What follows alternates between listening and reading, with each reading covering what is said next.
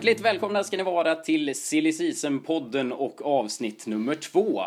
Jag avslutade ju förra episoden med att önska alla en trevlig sommar, men då vi inte är med att diskutera alla lag känns det inte mer än rätt att vi nu spelar in ytterligare ett avsnitt. Och det är också av den anledningen jag hälsar Daniel Johansson från Vänersborgsredaktionen och Patrik Jonsson från Broberg varmt välkomna till Sillypodden. Tack så mycket. Tackar. Ja, det börjar ju som sagt närma sig sommar, men ändå är diskussionerna kring banden intensivare än på länge. Och vi ska som sagt gå igenom era respektive lags till season, men vi måste väl ändå inleda med att prata om det som skett i bandysverige de senaste tiden här.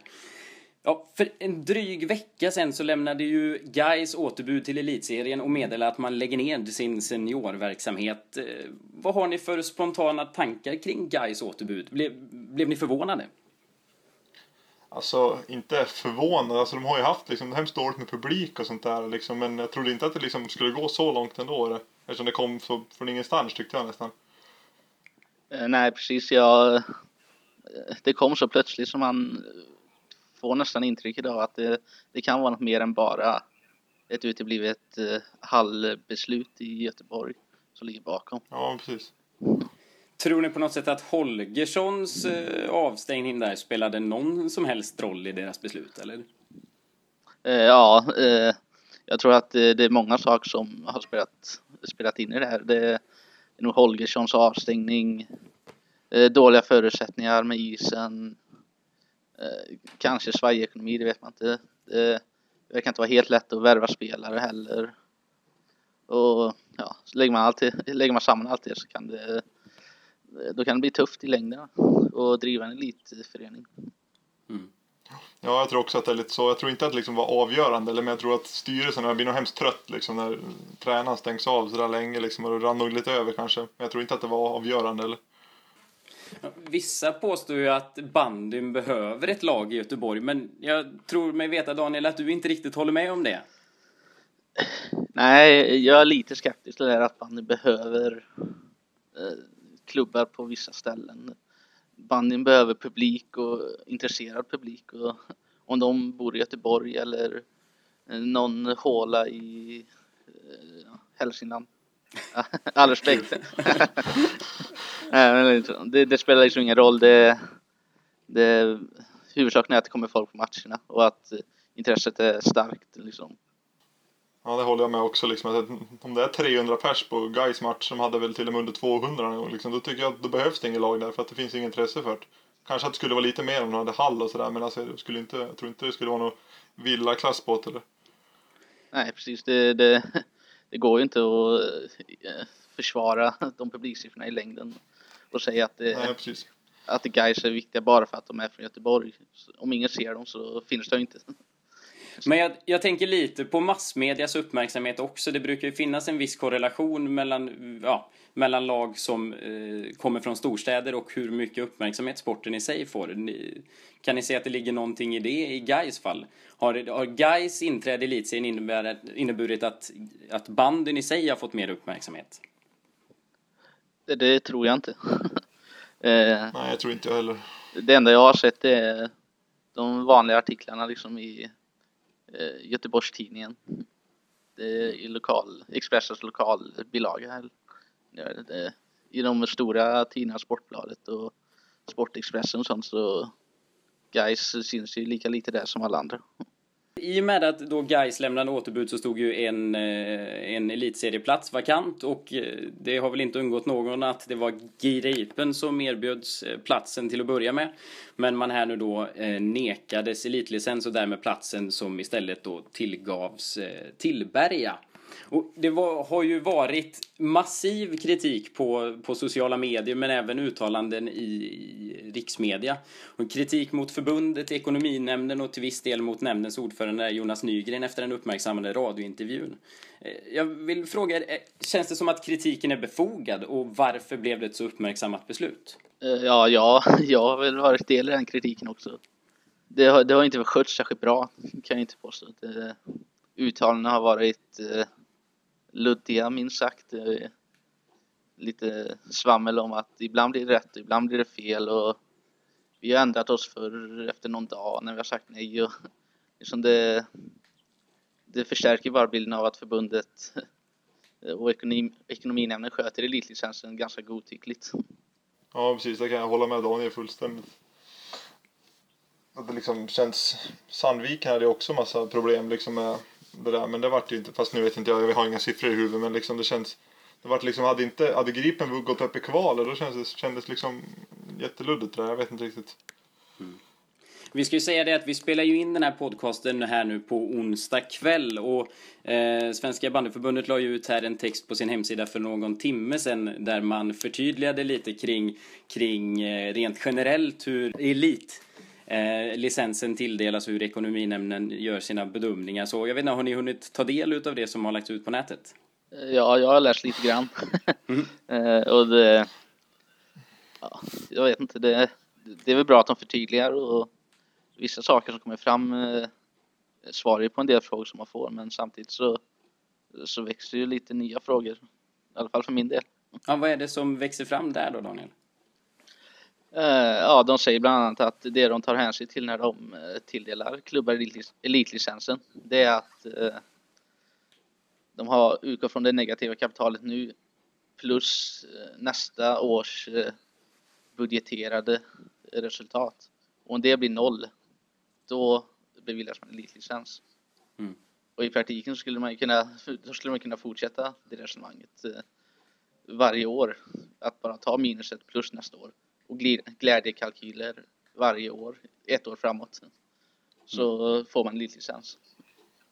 Ja precis, det, låter, det är ofta som liksom är så här att klubbar är i farozoner. Liksom Broberg och Bollnäs har ju varit flera gånger liksom så här, har ju liksom skulder men det löser sig i slutändan ändå liksom. Så det som man tycker var så konstigt med det här när man trodde att de skulle lösa det ändå nu Gripen men det gjorde de ju uppenbarligen inte. Mm.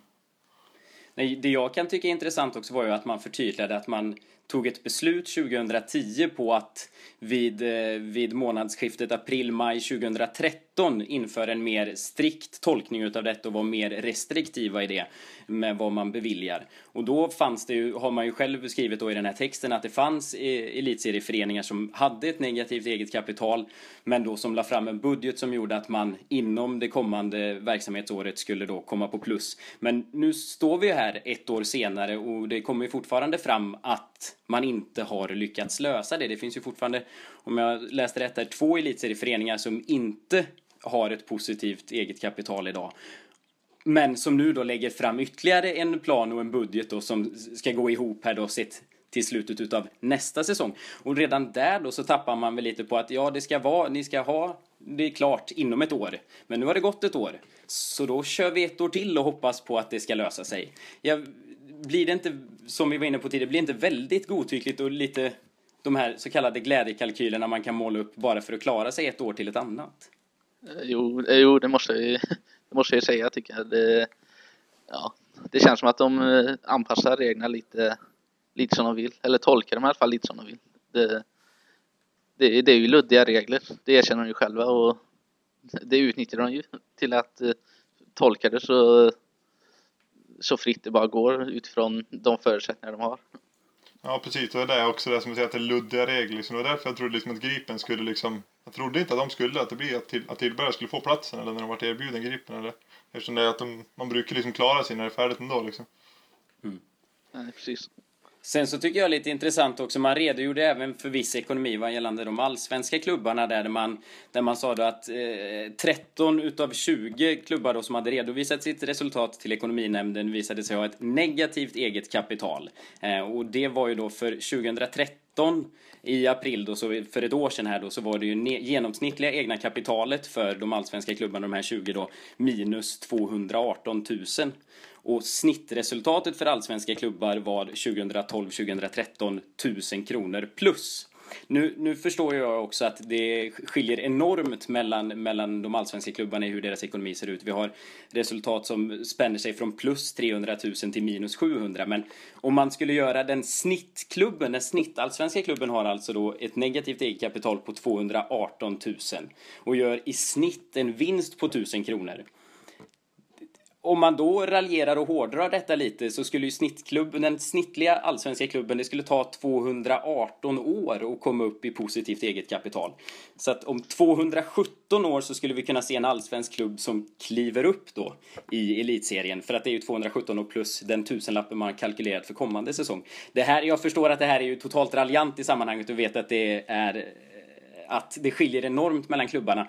Men det visar ju ändå lite på hur svårt det kanske kan, kommer att vara för de allsvenska klubbarna att ta sig upp till elitserien. Tror ni det här beslutet nu, om man kör på den här hårda tolkningen, tror ni att det kommer påverka allsvenska lagens möjligheter att faktiskt ta en elitserieplats? Eh, ja, ja det tror jag. Det tror jag absolut.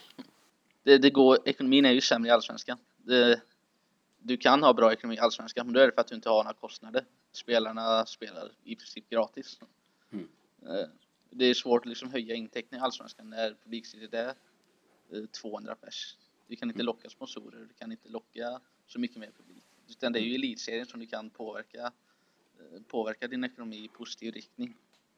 Så att om man då ska jämföra elitserielagen som har haft fem år på sig att betala av sina skulder med allsvenska lag som får två dagar på sig att försöka ja, komma fram med en plan på sina, eh, med sina skulder. Då, det blir inte riktigt eh, en rättvis jämförelse för att eh, ja, de allsvenska lagen har lite andra förutsättningar ekonomiskt. Och man måste liksom få chansen att spela i eliten kanske ett år eller två innan, eh, innan man kan börja ställa krav på att deras eh, ekonomi ska vara elitseriemässig.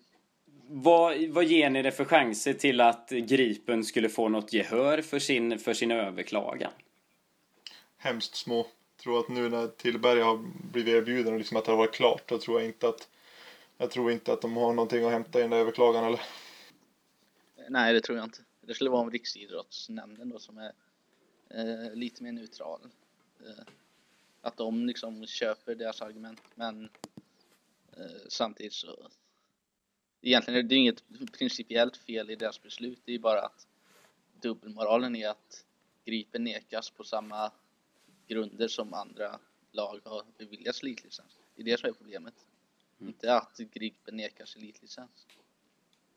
Nej, för det kan jag också hålla med dig om att beslutet utifrån det som man nu har redovisat och lite från Gripens egna siffror visar ju på att de, de har ju ett stort, eh, stort underskott Eh, och, och få vända det till rätta kommer ta sina år och frågan är om de klarar det ens på två år som de själva kalkylerade med. Så, att, så beslutet i sig är ju, har jag personligen ingenting emot utan jag är inne på din linje där lite Daniel att det, det är så godtyckligt och hur man har tittat på det tidigare och även här nu då bland elitserieklubbarna när man beviljade elitlicenser bara för, för någon, eh, någon tid sedan här. Ja, precis. Eh, jag tänkte också bara höra, om, om det här nu då eh, beslutet står sig och Gripen inte får gehör för sin överklagan och nu man kommer att ha en striktare hållning mot kravet på, på ett positivt eget kapital. Tror ni det finns någon risk att vi kommer få se elitserieklubbar eh, kastas ut ur elitserien om ett år? Uh, nej, nej. det tror jag faktiskt Nej, jag tror, jag tror inte det jag heller faktiskt. Även om de skulle ha ett negativt eget kapital? Ja, det har ju många klubbar haft nu. De är det fortfarande trots att de skulle kastas ut för ett år sedan. Så det finns väl ingen anledning att tro att det skulle ändra sig. Nej, precis det där så tycker jag också liksom att det är många som lever på, har den här tunna linan de klarar sig på år efter år liksom. Och jag tror att det kommer fortsätta så ja. Eftersom de har liksom, skapligt med publik och sponsorer liksom. Det löser sig när det är färdigt. Fast man ska aldrig säga aldrig. Nej, det, nej precis. Det, det kan ju vara så att förbundet eh, nu känner att de måste visa att de kan vara konsekventa och ta i med hårdhandskarna även mot elitserielagen. Men det är alltid lättare att neka ett lag uppflyttning som fick en gratisplats än att eh, ta ifrån en elitserieplats från ett lag som har förtjänat den. Sen är det ju sådär om det inte finns något lag i Allsvenskan som kan ta platsen heller och då blir det ju svårt också liksom. Då kanske spelar med åtta lag i elitserien om några år. Alla får garanterat slutspel. Ja, precis. Ja, precis. Ja, med, med det tror jag vi tar och lämnar diskussionen kring eh, Gais, Gripen och Elitlicens där och istället eh, går vidare med det som var huvudtemat på förhand i alla fall, nämligen att prata om eh, elitserielagen silly season. Och vi ska börja med Vänersborg. Eh, frågan är väl direkt riktad till dig Daniel. Är Lukarilla den enda pusselbiten som saknades i Vänersborgs lagbygge? Eh, ja, det beror på hur man ser det. Det, det skadar ju aldrig att få in eh, en Daniel Berlin eller en Helmich och den sortens spelare i ett lag om man vill bli ännu bättre. Men eh, sett till det lag som eh, IFK och Stefan Karlsson vill bygga så, eh, så är väl Lucarilla eh, åtminstone en av de sista pusselbitarna för att eh, kanske ta sig till semifinal i alla fall. Finns det någon utav de Gais-spelarna nu som står utan kontrakt som skulle kunna vara intressanta för, för IFK? Ja, jag hade gärna sett eh, Jakob Bucht, eh, den kreativa mittfältaren där. Eh, han hade gärna fått spela i IFK, men jag, tror inte det finns plats för honom. Om man då tittar på, på Fagerström där som valde att skriva på ett nytt kontrakt med, med Vänersborg. Hur, hur mycket betydde hans underskrift för, för, för IFK kommande säsong? Ja, det betyder mycket såklart. Han, han har ju blommat ut till, om inte den största stjärnan så i alla fall nummer två efter Hedqvist. Eh, han är landslagsspelare och eh, 22 år blir, ja, 22 år blir han i år. Och, eh, det är klart att sådana spelare vill man ju behålla i laget så länge man kan. Och den spelartypen som han är, det, det finns inte särskilt många av den sorten i svensk bandy. Så det, det har varit svårt att ersätta honom rakt av. Mm. Trodde du någon gång att han skulle lämna? Eh, Jag var helt säker på att han skulle lämna ända sedan förra hösten faktiskt. Då, då var det så nära att han gick till Ryssland. Eh, Ja, han bestämde sig väl att stanna i ja, sista stund i princip känns det som. Och då eh, tänkte jag att nu när han blivit tagen i landslaget och visar att han utvecklat sitt spel ännu mer under säsongen så borde buden från Ryssland ha varit både bättre och fler jämfört med förra året. Så jag, jag var helt säker på att han skulle sticka österut. Men tror du att det för hans del var ett val enbart mellan IFK och Ryssland eller tror du att det ens är, liksom är realistiskt att tro att han skulle lämna för någon annan elitserieklubb? Ja, det det är ju den risken. Den finns ju alltid, men det känns som att det stod mellan IFK och Ryssland. Jag tror inte att eh, de andra elitserieklubbarna var så aktuella. Det, han är ju under 23 fortfarande, så det blir ju, han blir dyr att lösa nu när de har dubblat, eh, de har dubblat eh, utbildningsersättningen det här året. Då, Det blir dyrt för en annan svensk klubb att lösa en sån spelare. Även om man är kontraktslös. Så med det sagt och med Lukarilla kompletterad här nu, är det semifinal en realistisk målsättning inför nästa säsong? Eh, Ja, får man ändå säga. Det, IFK var en match ifrån det förra året och då, då måste man ju höja målsättningen ett snäpp till nästa år när man har samma trupp och kanske lite bättre trupp. Så att semifinal eh, ska vi till nästa år. Patrik, vad säger du om det? Kommer Vänersborg med det, med det lag de har just nu, tror du att man tar sig till en semifinal? Ja, jag tror att Vänersborg är väldigt bra chans att nå en semifinal. Det beror på om Hedqvist håller farten uppe också. Det tror jag blir väldigt viktigt med Skotte, att han håller farten uppe ett par år till. Men Fagerström börjar bli så pass bra. Han har väl aldrig haft någon fart å andra sidan. Nej, fart i skott i alla fall. Ja. Skridskorna har aldrig varit någonting bekvämt där. Ja. Ja, och med det sagt så stapplar väl vi oss vidare då till, till Broberg. Eh, där eh, Hälsingelaget har förstärkt med bland annat Simon Blomqvist, Adam Wik och eh, Henrik Renvall ifrån Rättvik. Och sen så kom även ryssen Arkipkin in i laget här också. Hur mycket betyder värvningen utav just Arkipkin för eh, Brobergs lagbygge? Arshipkin menar du? Arkipkin, förlåt på uttalet. Nej då. Eh, jo, men alltså det, det är man har ju inte sett han så mycket liksom, han lämnade för ett par år sedan. Liksom. Han, har, ju- han har ju varit Dynamo Moskva och där säger ju det mesta liksom. Men han har ju inte fått spela liksom, så här jättemycket. Han har ju lite konkurrens på mittfältet där har han ju haft. Men det är klart att han betyder jättemycket beroende på vad man har hört från Svenne Olsson och sagt.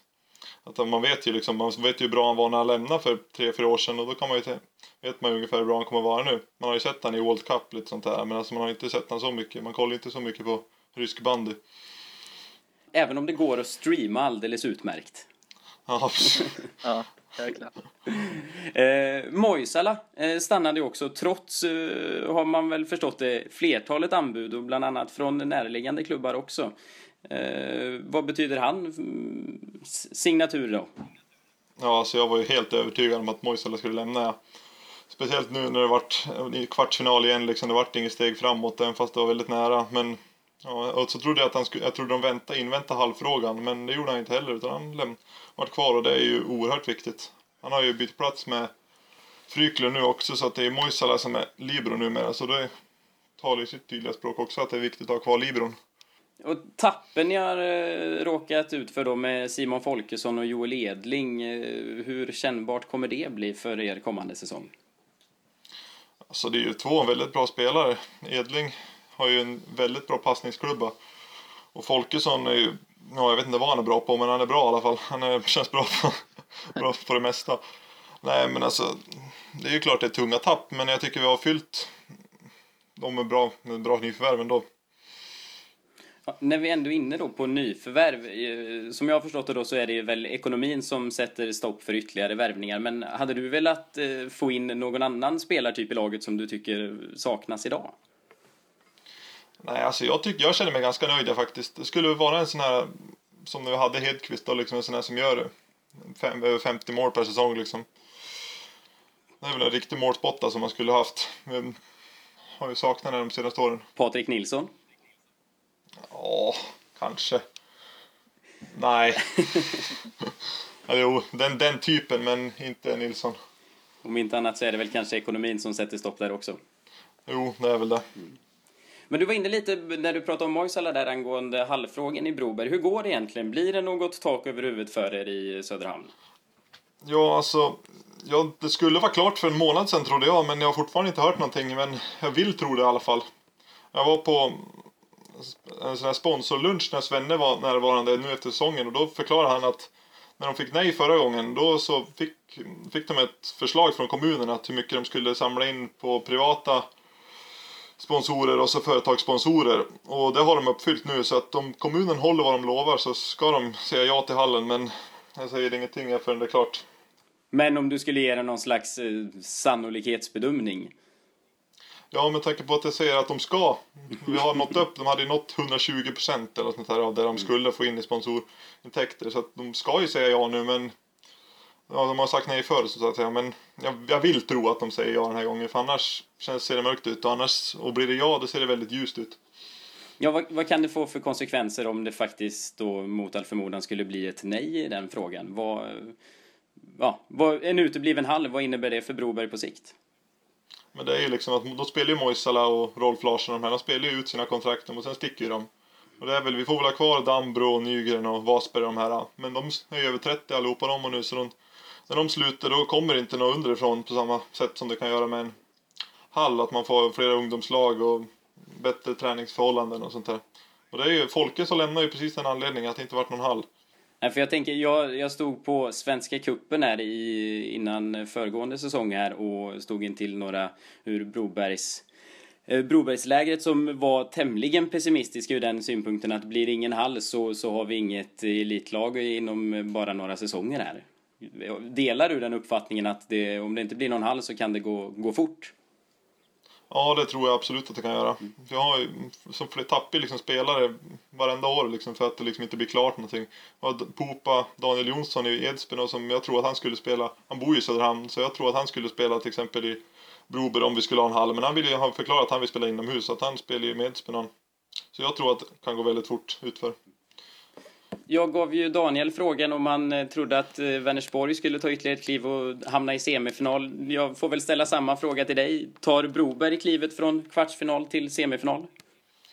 Ja, alltså det är tio raka säsonger i kvarten nu så att jag vill ju som sagt tro det och det känns ju som att vi har ett ungefär lika bra lag i år som förra säsongen. Och vi var ju ganska nära att sluta Sandviken där i femte matchen. Så det var ju, det var ju 32 minuter eller någonting från semifinal i år. Det var, men sen orkar vi inte riktigt sista halvtimmen. Nygren vart ju avstängd i fjärde matchen också så att hade vi haft han med då vill jag tro att vi skulle ha slagit ut Sandviken i femte matchen. Så att jag tror absolut att vi kan ha en chans den kommande säsongen. Daniel, får vi se Vänersborg mot Broberg i kvartsfinal, eller förlåt, i semifinal nästa säsong? Eh, jag brukar döma ut Broberg inför varje säsong. Det brukar alla göra. ja. Så ja, det får vi nog. Du, du ger dig inte själv så högt betyg som tippare med andra ord? Nej, det brukar inte stämma så bra. Nej. Ja, med det så tror jag vi tar och eh, lämnar Broberg och eh, styr kosan eh, söderöver och kanske mer västerut. Kungälv som har bytt målvakt där Borvall har lämnat och Timfors kommit in. Man har tappat Genefelt till Sirius. Och in har då bland annat Jesper Henriksson och Jonathan Rask kommit. Blir Kungälv ett bättre eller sämre lag utifrån hur de har agerat här i silly season? Ja, hemskt, hemskt svårt att säga faktiskt. Men jag tror som sagt Kungälv känns som ett väldigt stabilt lag och jag tror att de kommer fortsätta ligga där och slåss om åttonde platsen Men jag tror inte att de kommer bli någon semifinallag eller? Eh, nej, det, det är svårt att se att eller Kungälv ska bli bättre av de spelare de har fått in sett till de spelare de har tappat. Det, Rask var i Vänersborg för några år sedan och gjorde väl inga större avtryck. Eh, just, just då, Henriksson har jag dålig koll på. Timfors, Borvall går väl ganska jämnt ut. Så sen om de får några spelare från Gais nu så ja, då kanske de är med och utmanar den här åttonde platsen men annars så blir det nog eh, där de låg ungefär i år. De har ju alltid Skarpen Ord, herregud. Ja. Borgen. Ja. Ja, det, ja, de får ju ett antal gratispoäng där varje år, men det, det brukar inte räcka till slutspel då. Nej, Ari Holopainen får fortsätta kriga med sitt lag där bland vägsalt och eh, navkapslar. Eh, vi istället, vi går över till Kalix och jag frågar er. Vad vet ni om Peter Shirokov? Ingenting alls faktiskt. Nej. Uh, nej, jag har aldrig hört talas om honom faktiskt. Ja, men det är ju Kalix stora stjärnvärvning här inför nästa säsong. Det var ju eh, han som var den stora namnet man presenterade. Den, eh, och jag har ju då fått läsa mig till detta, ska jag ju villigt erkänna. 38-årig spelmotor som anländer från spel i Ryssland här och som ska vända Kalix och göra dem till ett slutspelslag här. Men de har ju även tappat då Hjälman till, eh, till Sandviken men fått in Antti Ekman. Eh, Kalix, vad har ni för tankar och funderingar kring deras kommande säsong? De tappar ju Stock, slutar väl eller blir spelande tränare eller något liknande i Haparanda läste jag. Lutar det väl åt och Rönnqvist blir ju tränare, lägger av. Hjälman till Sandviken. Det känns som att de ligger lite på minus ändå. Ja, det kan jag hålla med också. Det känns att det kan bli tufft för dem ändå. Men Daniel, Andreas Eriksson, Vänersborgsbekantingen, om han får upp motivationen här så, så pratas det ju om att eh, det kan bli Kalix för hans del. Jag har förstått det som att han flyttar norröver oavsett här i alla fall. Ja. Det blir väl en förstärkning? Ja, om han hittar tillbaks till den formen som han var i för eh, tre, fyra år sedan. Innan han fick eh, alla skador. Då, då är han ju bra. Då gör han ju 25 mål. 25-30 mål på en säsong. Det, det, är klart att det, det gör ju skillnad. Jag tycker det är så fascinerande hur Kalix lyckas värva spelare. Alltså de har så fruktansvärt långt till alla matcher. De har liksom Broberg och Bollnäs Edsbyn de närmsta bortamatcherna. Det är 80-85 mil. Det liksom att de kan liksom... Att de lyckas värva spelare utifrån liksom. Ja, det, ja någonting måste de ha att erbjuda. Is kanske?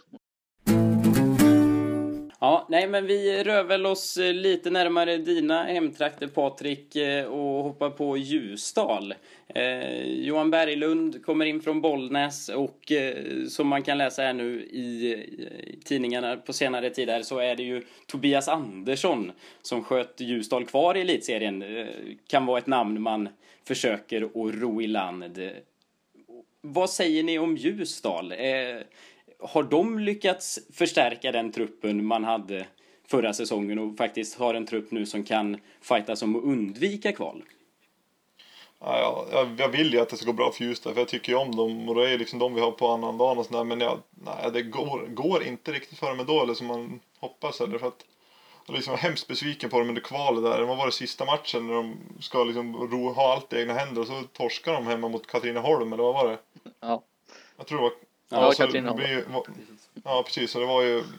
Vart ju räddad liksom i sista sekunden av guys som inte har någonting att spela för så jag, Nej alltså jag, ja, jag tror det blir kval i år igen för dem ja. Tyvärr. Ja. Jo, de har, de har lite att bygga på. eh, li- Lite kvar att bygga fortfarande på det här laget. Eh, Johan Berglund är ju en bra värvning tycker jag. Men nu tappar de i Björklund till Bollnäs så det är ju ett jävla av- avbräck det. Ja, det, det var ju han som gjorde målen. Det var inte så många andra. Så ja, jag vet inte hur de ska ersätta honom. Det verkar inte vara superhett eh, att spela i Ljusdal nästa år. Men jag tänker på en sån som Robertsson från VSK. Han är väl eh, Ljusdalsbördig, eller eh, hur är det Patrik? Ja du, det var en bra fråga faktiskt. Det har inte jag koll på heller. Ja, jag har fått för mig att han är det nämligen och att han har nämnts som ett alternativ för, för dem. Ja, det ska nog stämma. Det kan det mycket väl göra. Om inte annat så, som sagt, Tobias Andersson som sköt dem kvar i elitserien kan ju komma dit och vara kung med tanke på hans insatser för Gais där i kvalet. Så, så eh, Ja, han, är bra, för, ja, bra förhandlingsläge för hans del kanske. Ja, Ja. Han får nog ta, får ta i Svesjnikov eller något sånt där. Ja. Hur stor sannolikhet ger ni det att Svesjnikov kommer tillbaka och spelar i Ljusdal? En procent kanske? Eh, jag gör det ganska hög sannolikhet faktiskt. Men sen, Tror du det ändå? ja, sen vet jag inte hur gammal han är och vilket slag han är i. Men jag tror nog att han kan tänka sig att spela en sista, en sista säsong i Ljusdal innan han lägger av. Jo, det skulle väl vara det i så fall men ja, kan ju komma som bli storstjärnan. Eller det är ju han i alla lag i och för sig, men alltså, ja, det ska ju vara där att han vill hjälpa dem kvar. Ja, det är nog så som kommer krävas. Jag gjorde lite snabb Google-sökning här. Robertson är Ljusdal. Ja, men vad bra. Du var inte helt, inte helt ute och cykla i alla fall. Det var skönt. Eh, ja, vi börjar väl närma oss slutet utav den här podcasten, men vi har ett eh, ämne kvar att diskutera och det är ju alla målvakter som står utan kontrakt här inför kommande säsong. Det är ju bland annat då Borvall som lämnade Kungälv, vi har Bridholm senast i Vänersborg, Anders Svensson kommer hemifrån Ryssland eventuellt och Movits och Claesson. Det är väldigt stort utbud av målvakter men få platser kvar att fylla. Hur, hur ser ni på på deras chanser att spela elitserien nästa säsong. Som Anders Svensson, han, han skulle ju säkert Edsbyn vilja ha tillbaka, men nu har ju de Erik Persson liksom som vill de inte liksom peta han igen nu när han har gjort det så bra när han har kommit in liksom. Så att jag tror att de får svårt ändå. Jag liksom, och Anders Svensson sitter nog på en betydligt högre lön än vad till exempel Erik Persson gör. Så att, ja. Svensson tror jag får väldigt tufft. Och jag tror att han vill spela i, i Edsbyn. Jag tror inte han vill spela någon annanstans faktiskt. Nej, det, Svensson får nog leta kontrakt i Ryssland kanske. Det lutar väl åt det. Ja, det tror jag också. Nej, för frågan är vilka lag som har kvar en målvaktsplats att fylla också i dagsläget. Det, så vitt jag vet så är det väl tämligen fyllda platser i elitserien. Eh, Ja, jag Jo, tror det- det. Tycker jag. Ja, det skulle vara Tillberga här nu då. Ja, Ja, då. Vad, är, vem är det som står där nu? Han är väl bra? Han, vad heter han? Jag kommer inte ihåg vad han heter nu, men han är väl duktig han. ja han är väl junior eller pojklandslagsspelare tror jag. Eriksson eller något. Rasmus Eriksson. Ja, undrar men, Det, det, det stämmer, det stämmer. Och med deras satsningar på, på unga spelare så är det väl tveksamt om de tar, och, tar in någon annan och fylla den positionen också kanske. Bollnäs har ju Prytz, Prytz där som är väldigt duktig. Men det känns ju som att typ Anders Svensson skulle ju kanske kunna... Bollnäs kommer med storplånboken som de inte har egentligen. Men att om de skulle ha han Prytz har ju varit väldigt duktig men ändå Svensson landslagsmålvakt och liksom kanske och nu när Bollnäs verkligen hackar ner sig ett säsong, en säsong här nu så skulle de kanske behöva en landslagsmålvakt. Men har Bollnäs eh, plånboken att just vifta med de här stora lönerna i dagsläget? Nej, det, nej, det har de inte, men kanske de skulle kunna fixa någon sån här sponsor eller någonting som jag läste på deras eh, svenska fansida att det var ryktas om, ryktas om Nilsson också liksom och Robertson pratas det om där också så att det kan väl vara något med sponsorer då, men det känns ju inte som att när de fick, hela truppen fick sänka lönerna förra säsongen så känns det inte som att de skulle värva några sådana spelare men som sagt, aldrig säger jag aldrig. De kanske också får unika kapitaltillskott, vem vet? Ja, Ja, precis. De måste ju verkligen satsa för att ta tillbaka den där slutspelsplatsen. För att det såg ju väldigt mörkt ut nu i den här säsongen. men det är ju ett problem för målvakterna överlag. Liksom, det finns ju i princip bara 14 platser. För det är väldigt få lag som har två målvakter som de låter rotera. Utan alla lag har ju sin första målvakt. Och sen en målvakt Ja, som de kan precis. kasta in. Junior eller någonting. Ja, som de kan kasta in ifall han blir skadad av någon anledning. Det, Ja, man, man sitter ju inte liksom på två, två målvakter som man spelar lika många matcher. Eller för det har man ju liksom, de flesta lagen har ju inte plånbok för det heller. nej, precis. Så det blir liksom, det är ju allsvenskan som, som gäller för de målvakter som blir över. Eller Borvall då, som kanske slutar. För att han inte får hitta något lagspel. Det läste jag med Anders Svensson också, att han funderar på att sluta också kanske. Om inte han fick något erbjudande. Det kanske blir Ryssland, men jag tror inte att, som sagt, att han spelar något annat kanske i Sverige eller... Och Movits känns ju också lite för pass bra för att spela Allsvenskan egentligen, men det är väl kanske för att hålla, hålla, sig, bara hålla sig igång en säsong. Och kanske sikta för nästa säsong ändå. Ja, det blir eh, spännande att se vad som händer med dessa herrar. Eh, ja, är det någonting ni känner ni vill få sagt som ni inte har hunnit få sagt här? Nej, jag känner mig ganska nöjd faktiskt. Eh, nej, jag hoppas väl bara att eh, bandförbundet ger Gripen sin elitserieplats. Att de visar konsekvens genom att eh, ge Gripen samma rättigheter och samma möjligheter att få ordning på sin ekonomi i elitserien som de har gett de andra elitserielagen.